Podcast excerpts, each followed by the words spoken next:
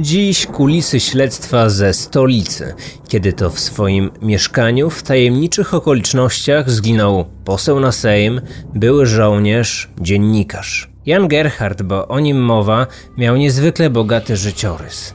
Brano pod uwagę tło polityczne zbrodni, brano pod uwagę jakąś zemstę za e, wojenne czasy. Wyjaśnienie okazało się być e, znacznie prostsze niż początkowo zakładano.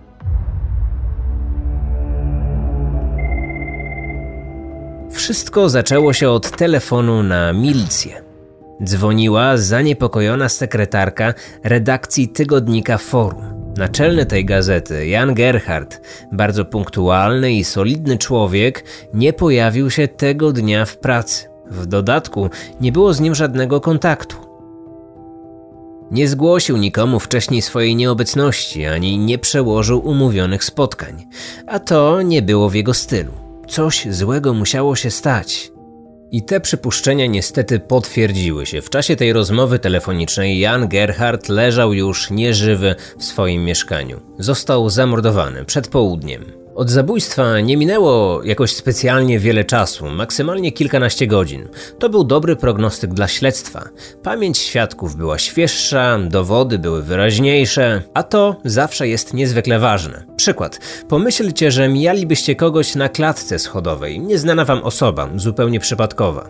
Jeżeli zapytano by was godzinę lub dwie godziny później, e, jak wyglądała ta osoba, co zapamiętaliście, no pamięć byłaby świeża, moglibyście przekazać jakieś szczegóły szczegóły. Jednak jeżeli zapytano by was o to samo dwa dni później, kilka dni później lub nawet kilka tygodni później, no, wtedy pamięć zaczyna się zacierać. Te najważniejsze szczegóły okazuje się, że są bardzo ulotne. No chyba, że mówimy o niezwykle charakterystycznej i oryginalnej postaci, nie wiem, kolorowe włosy, jakieś ciekawe przebranie, ale w przypadku zabójców lub jakichś złodziei, no to oni raczej nie chcą rzucać się w oczy, prawda? Robią wszystko, aby nikt ich nie zapamiętał. Właśnie dlatego mówi się o tym, że to pierwsze godziny śledztwa są najbardziej kluczowe i najważniejsze, bo wtedy ludzie pamiętają najwięcej. A skoro Jan Gerhard został zabity w swoim własnym mieszkaniu, no to napastnik musiał do tego mieszkania wejść i wyjść. Logiczne, prawda? A w takim przypadku ktoś mógłby go zauważyć, ktoś mógłby coś zapamiętać,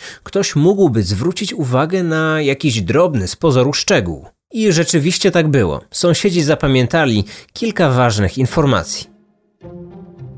Mężczyzna mieszkający poniżej przed godziną dziewiątą usłyszał cztery uderzenia w mieszkaniu Gerharda i jakieś jęki. Niestety nie zainterweniował, ale to mówiło nam już coś więcej o przypuszczalnej godzinie ataku.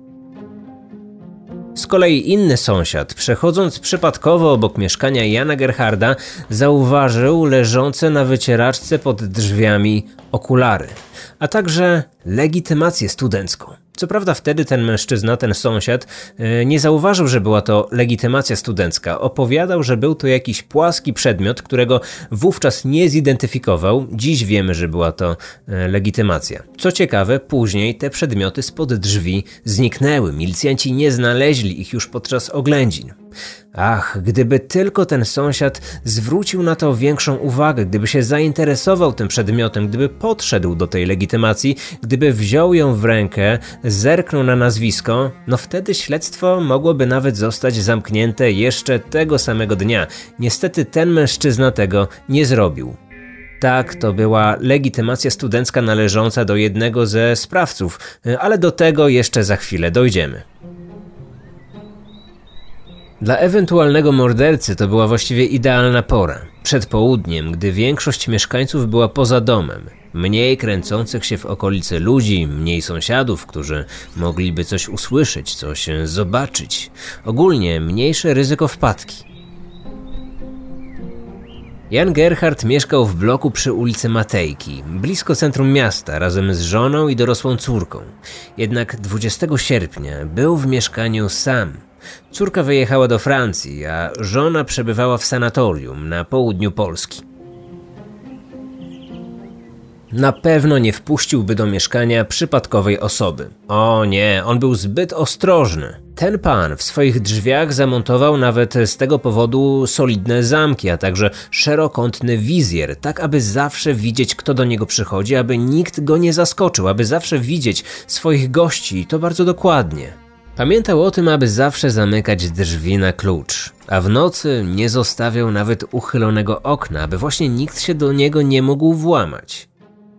Można powiedzieć, że miał na tym punkcie małą obsesję. Możliwe, że zostało mu to jeszcze z czasów wojny, kiedy to tego typu zachowanie czasami mogło uratować komuś życie, decydowało o tym, czy udało się przeżyć dany dzień, czy też nie. Dlatego wszystko wskazywało na to, że zabójcą musi być osoba mm, z bliskiego otoczenia Jana Gerharda, albo przynajmniej ktoś, komu on ufał i kogo znał na tyle dobrze, aby wpuścić tę osobę do środka.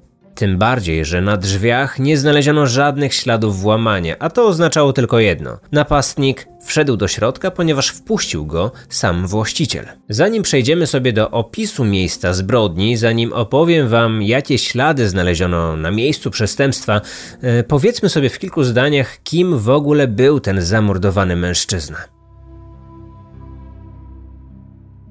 Jan Gerhard pochodził z żydowskiej rodziny. W chwili śmierci miał 50 lat. Był emerytowanym pułkownikiem wojska polskiego.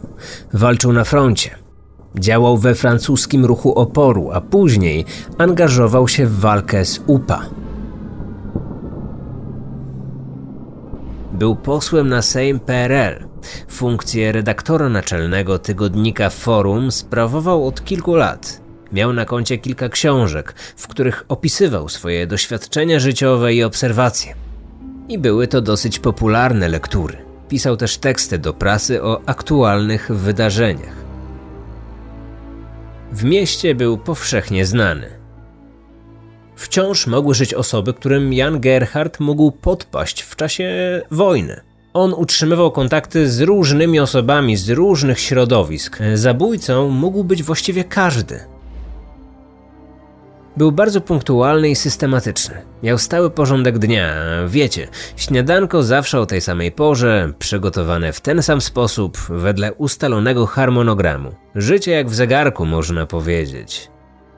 Znajomi Jana sugerowali, że on w ostatnim czasie, w tych dniach, tygodniach poprzedzających e, śmierć, że on czegoś się bał, że odczuwał jakiś e, silny niepokój. Podobno miał otrzymywać nawet jakieś anonimowe e, telefony, w których ktoś mu groził, nosił przy sobie broń. To pewnie potęgowało też to, że był na co dzień tak bardzo przezorny.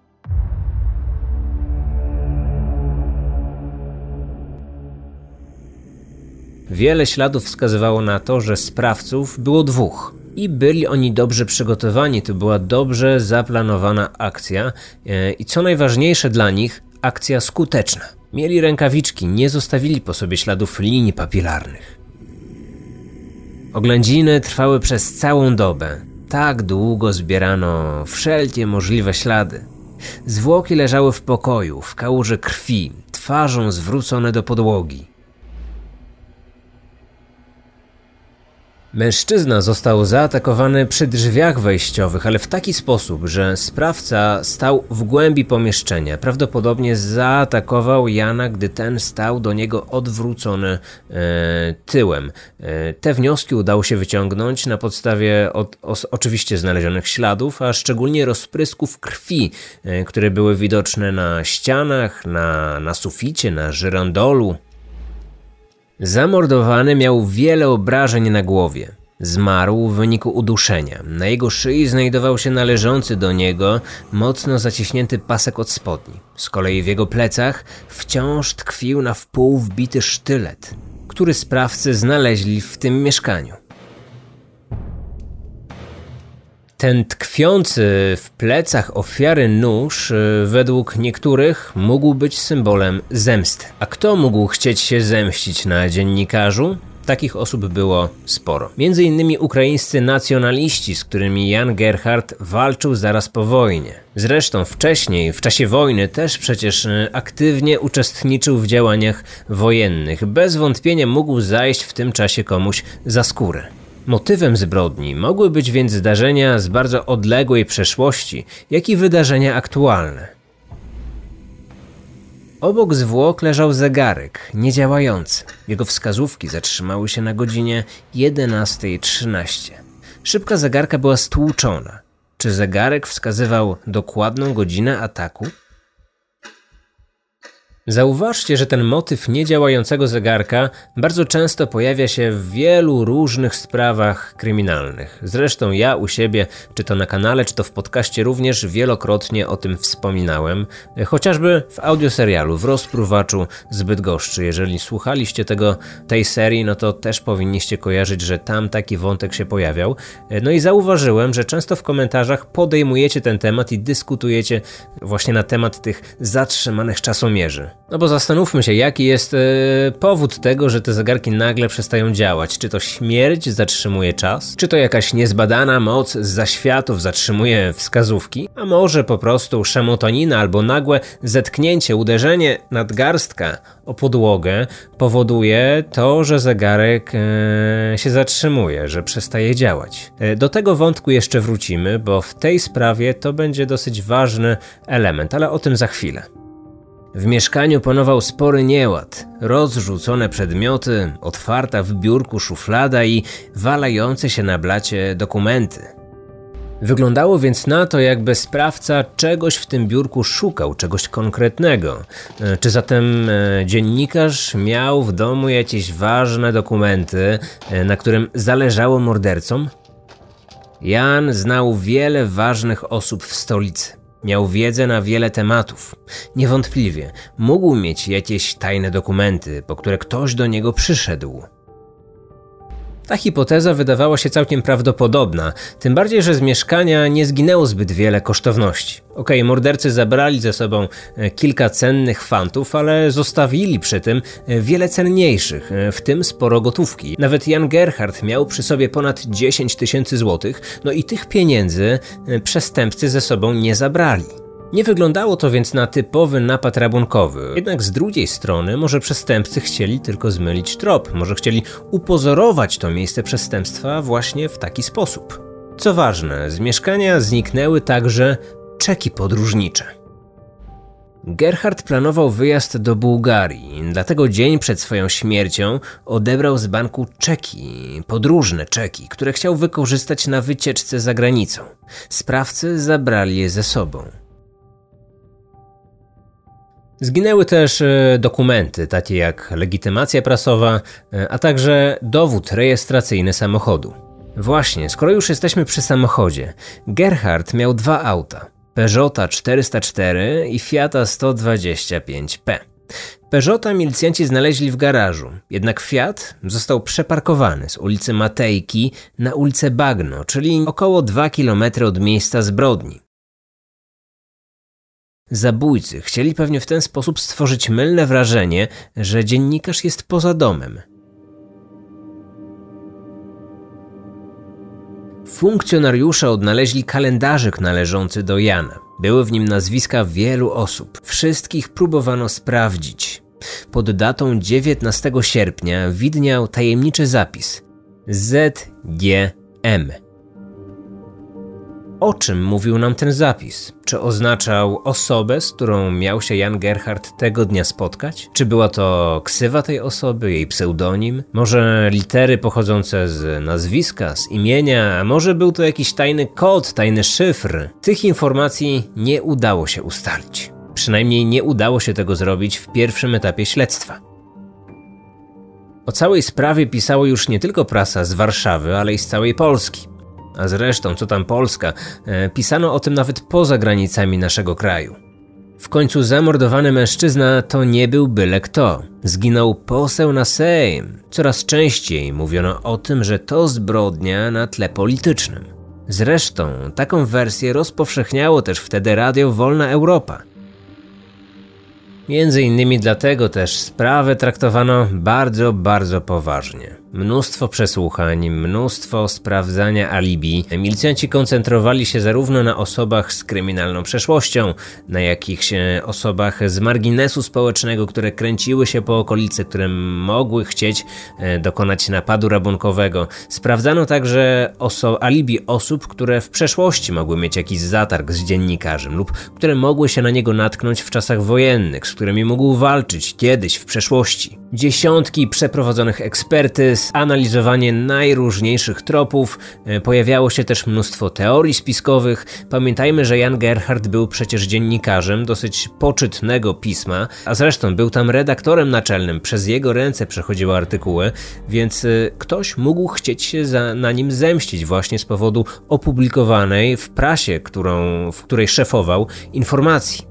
Od początku zakładano właściwie trzy najbardziej prawdopodobne wersje zdarzenia. Pierwsza to oczywiście e, napad e, na tle politycznym. W końcu zabito posła na Sejm. Druga z tych najbardziej prawdopodobnych opcji to było zabójstwo w akcie zemsty. No, na to wskazywał według niektórych ten na wpół wbity sztylet w plecy. To jest symbol działania zemsty. Trzecia hipoteza to był napad rabunkowy. I tak miesiące mijały, to żmudne śledztwo trwało, e, ale nie przynosiło żadnych oczekiwanych rezultatów. Przełom nastąpił w marcu 72 roku, a więc ponad e, pół roku po zabójstwie.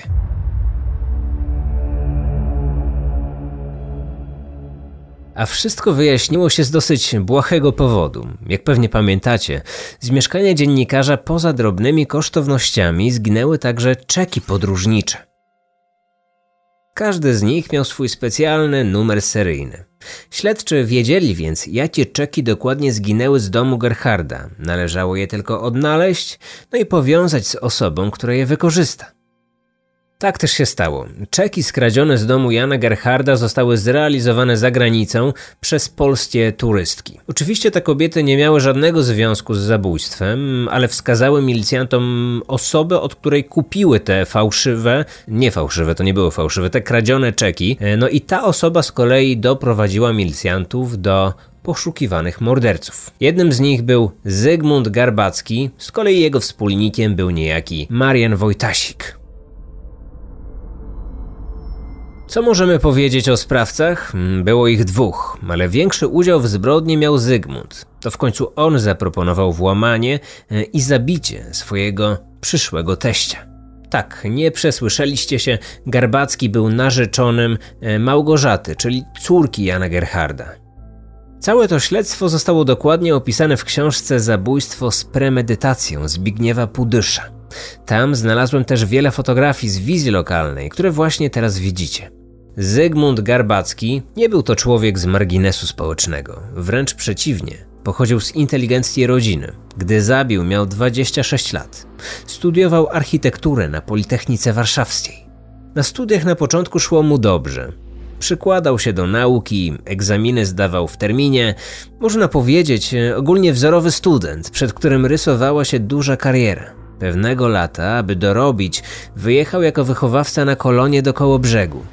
I tam właśnie po raz pierwszy spotkał swoją przyszłą partnerkę, Małgorzatę. Z czasem zachowanie Zygmunta niestety zaczęło się zmieniać. Nie był już tak pilnym studentem jak na początku swojej edukacji. Nie zdawał w terminie egzaminów, nie uczył się tak pilnie jak kiedyś. Teraz w jego głowie były tylko pieniądze, a właściwie chęć ich e, zdobycia. Marzył o tym, aby mieć kupę forsy, aby e, zebrać dużą fortunę właściwie bez nakładu pracy i co najważniejsze, aby zrobić to jak najszybciej. Coraz częściej spotykał się też ze swoim znajomym z dzieciństwa, z Marianem Wojtasikiem. On był z wykształcenia mechanikiem, pracował jako kierowca, a po godzinach był hmm, bandziorem. Ten chłopak miał na Zygmunta zły wpływ. Wspólnie zaczęli kraść. W późniejszym akcie oskarżenia, poza zabójstwem, znajdzie się także zapis o ponad 20 różnego rodzaju przestępstwach, drobnych złodziejskich wybrykach zazwyczaj. I właśnie w tym czasie, gdy Zygmunt był już tym złym chłopcem i zdecydowanie częściej myślał o kradzieżach i napadach niż o swoich studiach i o tym, aby być e, w przyszłości dobrym i cenionym architektem, pewnego dnia przypadkowo spotkał na ulicy kobietę, którą poznał kiedyś na wakacjach w Kołobrzegu. Spotkał się z Małgorzatą. Dopiero teraz coś między nimi zaiskrzyło. Wymienili się numerami telefonów i wkrótce zaczęli się spotykać. Spędzali miło czas, wyjeżdżali wspólnie na wakacje, planowali razem ułożyć sobie życie. Ich miłość kwitła. W międzyczasie Zygmunt został skreślony z listy studentów. Skończył tylko pięć semestrów na swoich studiach, e, chociaż Małgorzacie opowiadał, że jest już na ostatnim roku, a w rzeczywistości był na e, trzecim roku, a studiował właściwie w sumie 7 lat. Wieczny student, pewnie każdy z nas zna kogoś takiego. Małgorzata oczywiście nie miała o tym pojęcia. Ona sama była już na ostatnim roku, nie była wieczną studentką i miała nadzieję, że już niedługo jej partner także zakończy edukację, że zostanie cenionym architektem, no i będzie mieć zawód, który w przyszłości e, zapewni im godne i fajne życie. Para zaczęła więc e, powoli planować ślub. E, Małgorzata po rozmowie z rodzicami uznała, że najlepiej będzie, jeżeli pobiorą się wtedy, gdy skończą studia. Zygmunt również się na to zgodził. Garbacki nigdy nie spotkał na żywo swojego przyszłego teścia. Jan Gerhard znał go jedynie z opowieści swojej córki, znał go ze zdjęć, jednak dzień przed tym, gdy Jan został zamordowany, Zygmunt zadzwonił do niego i poprosił o spotkanie. Pretekstem e, była Małgorzata. Powiedział, że chce porozmawiać właśnie o niej. E, no i jak się pewnie już domyślacie, to tajemnicze ZGM lub ZYK, w niektórych źródłach również i taki zapis się pojawia, oznaczało właśnie spotkanie e, z Zygmuntem. Dziennikarz cieszył się nawet, że jego córka wyjdzie za przyszłego architekta.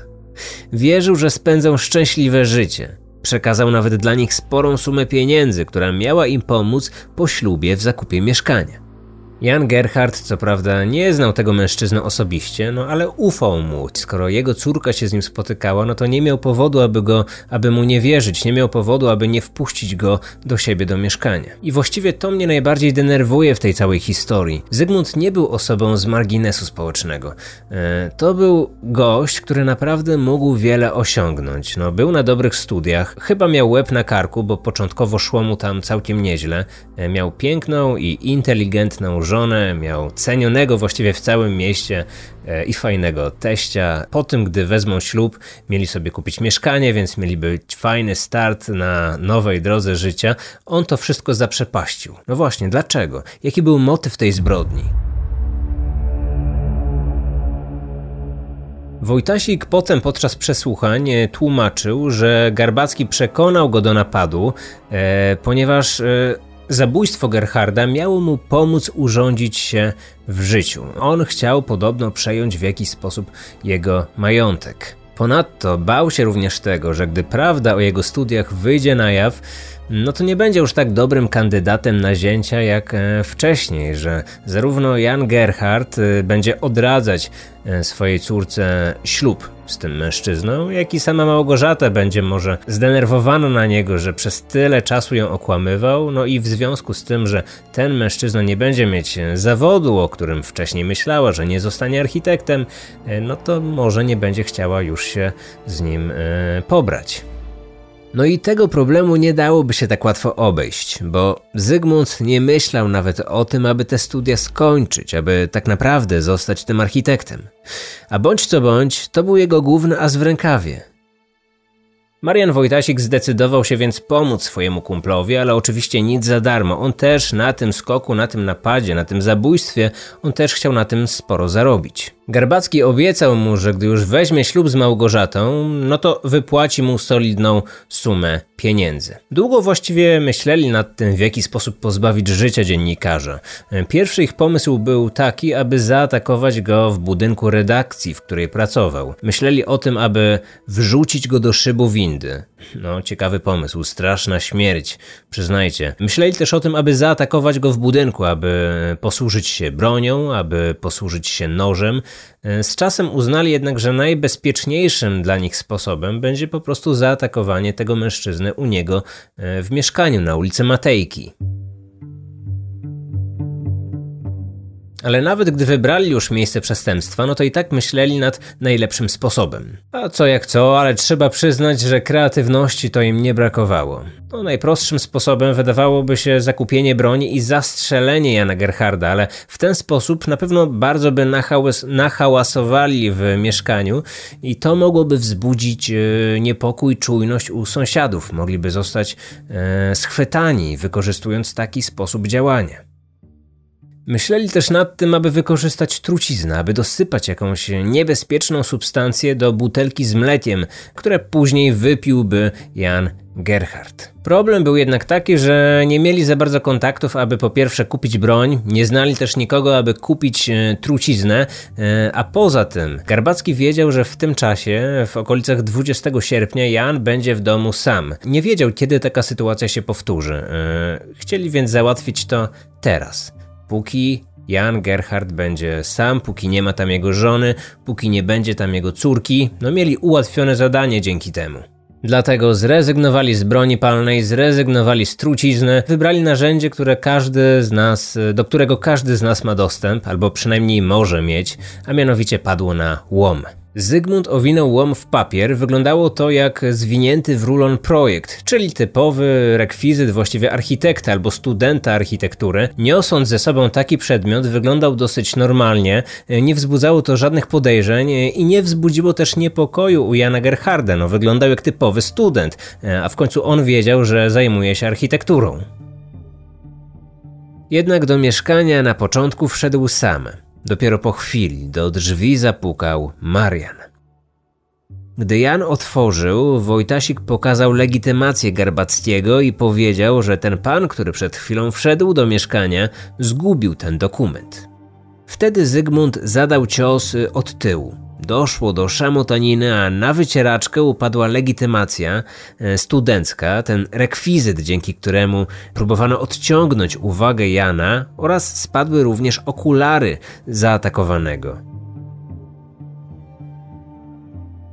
Właśnie te przedmioty widział jeden z sąsiadów. Sprawcy zupełnie o nich zapomnieli, e, zabrali ze sobą dopiero po wykonanej robocie, wtedy gdy wychodzili już z mieszkania. Zapytacie pewnie, dlaczego ta sprawa nie wyjaśniła się wcześniej? Dlaczego Zygmunt jako partner Małgorzaty, jako osoba z takiego dosyć bliskiego otoczenia Jana nie została e, wzięta na celownik śledczych na samym początku? I tu pojawia się ten wątek zegarka. Okazało się, że Zygmunt specjalnie uszkodził ten czasomierz. Do zabójstwa doszło około godziny 9 po 9. Z kolei on e, po wszystkim uszkodził zegarek. Najpierw e, przesunął wskazówki na godzinę 11 z groszami, później rzucił go na ziemię, e, uderzył obcasem buta w ten zegarek, zbiło się szkiełko, wskazówki się, się powykrzywiały, mechanizm przestał działać. Miał nadzieję, że to zapewni mu alibi, że policjanci pomyślą, że właśnie o godzinie 11 11 doszło do ataku, że właśnie zegarek uszkodził się w trakcie jakiejś szemotaniny, mm, a na ten czas Zygmunt przygotował sobie alibi. Ale spryciarz z tego naszego Zygmunta, co? Chociaż ten jego pomysł i tak ostatecznie na niewiele się zdał. Śledczy szybko doszli do wniosku, że coś z tym zegarkiem się jednak nie zgadza i że sprawca najprawdopodobniej sam przestawił wskazówki. Garbackiego jednak mimo wszystko i tak nie brano pod uwagę jako sprawcę mordu. Dopiero po znalezieniu tych skradzionych czeków było jasne, że prawdziwy zabójca był dosłownie na wyciągnięcie ręki. On bardzo dobrze się kamuflował. Troszczył się o Małgorzatę i jej matkę, bał się o ich życie, sugerował, że zabójca może próbować się także zemścić na tych kobietach. Był mocno wstrząśnięty całą tą zbrodnią, przynajmniej takie sprawiał wtedy wrażenie. Śledczy, szukając jakiegokolwiek tropu, jakiegokolwiek punktu zaczepienia, obserwowali też cmentarz, a ściślej mówiąc, grób, w którym spoczywał dziennikarz. W czasie święta zmarłych Garbacki odwiedził to miejsce i przeniósł kwiaty. I nie byłoby w tym nic dziwnego, gdyby nie fakt, że niedoszły zięć przyszedł tam z wiązanką kwiatów, którą chwilę wcześniej ukradł z innego grobu. Nie był to oczywiście żaden dowód, ale no było to dosyć dziwne i podejrzane zachowanie i już wtedy śledczy zwrócili na to uwagę. Jak wiele nam to mówi teraz o osobowości tego człowieka, przyznajcie. Zygmunt Garbacki i Marian Wojtasik zostali skazani na najwyższy wymiar kary, czyli na śmierć.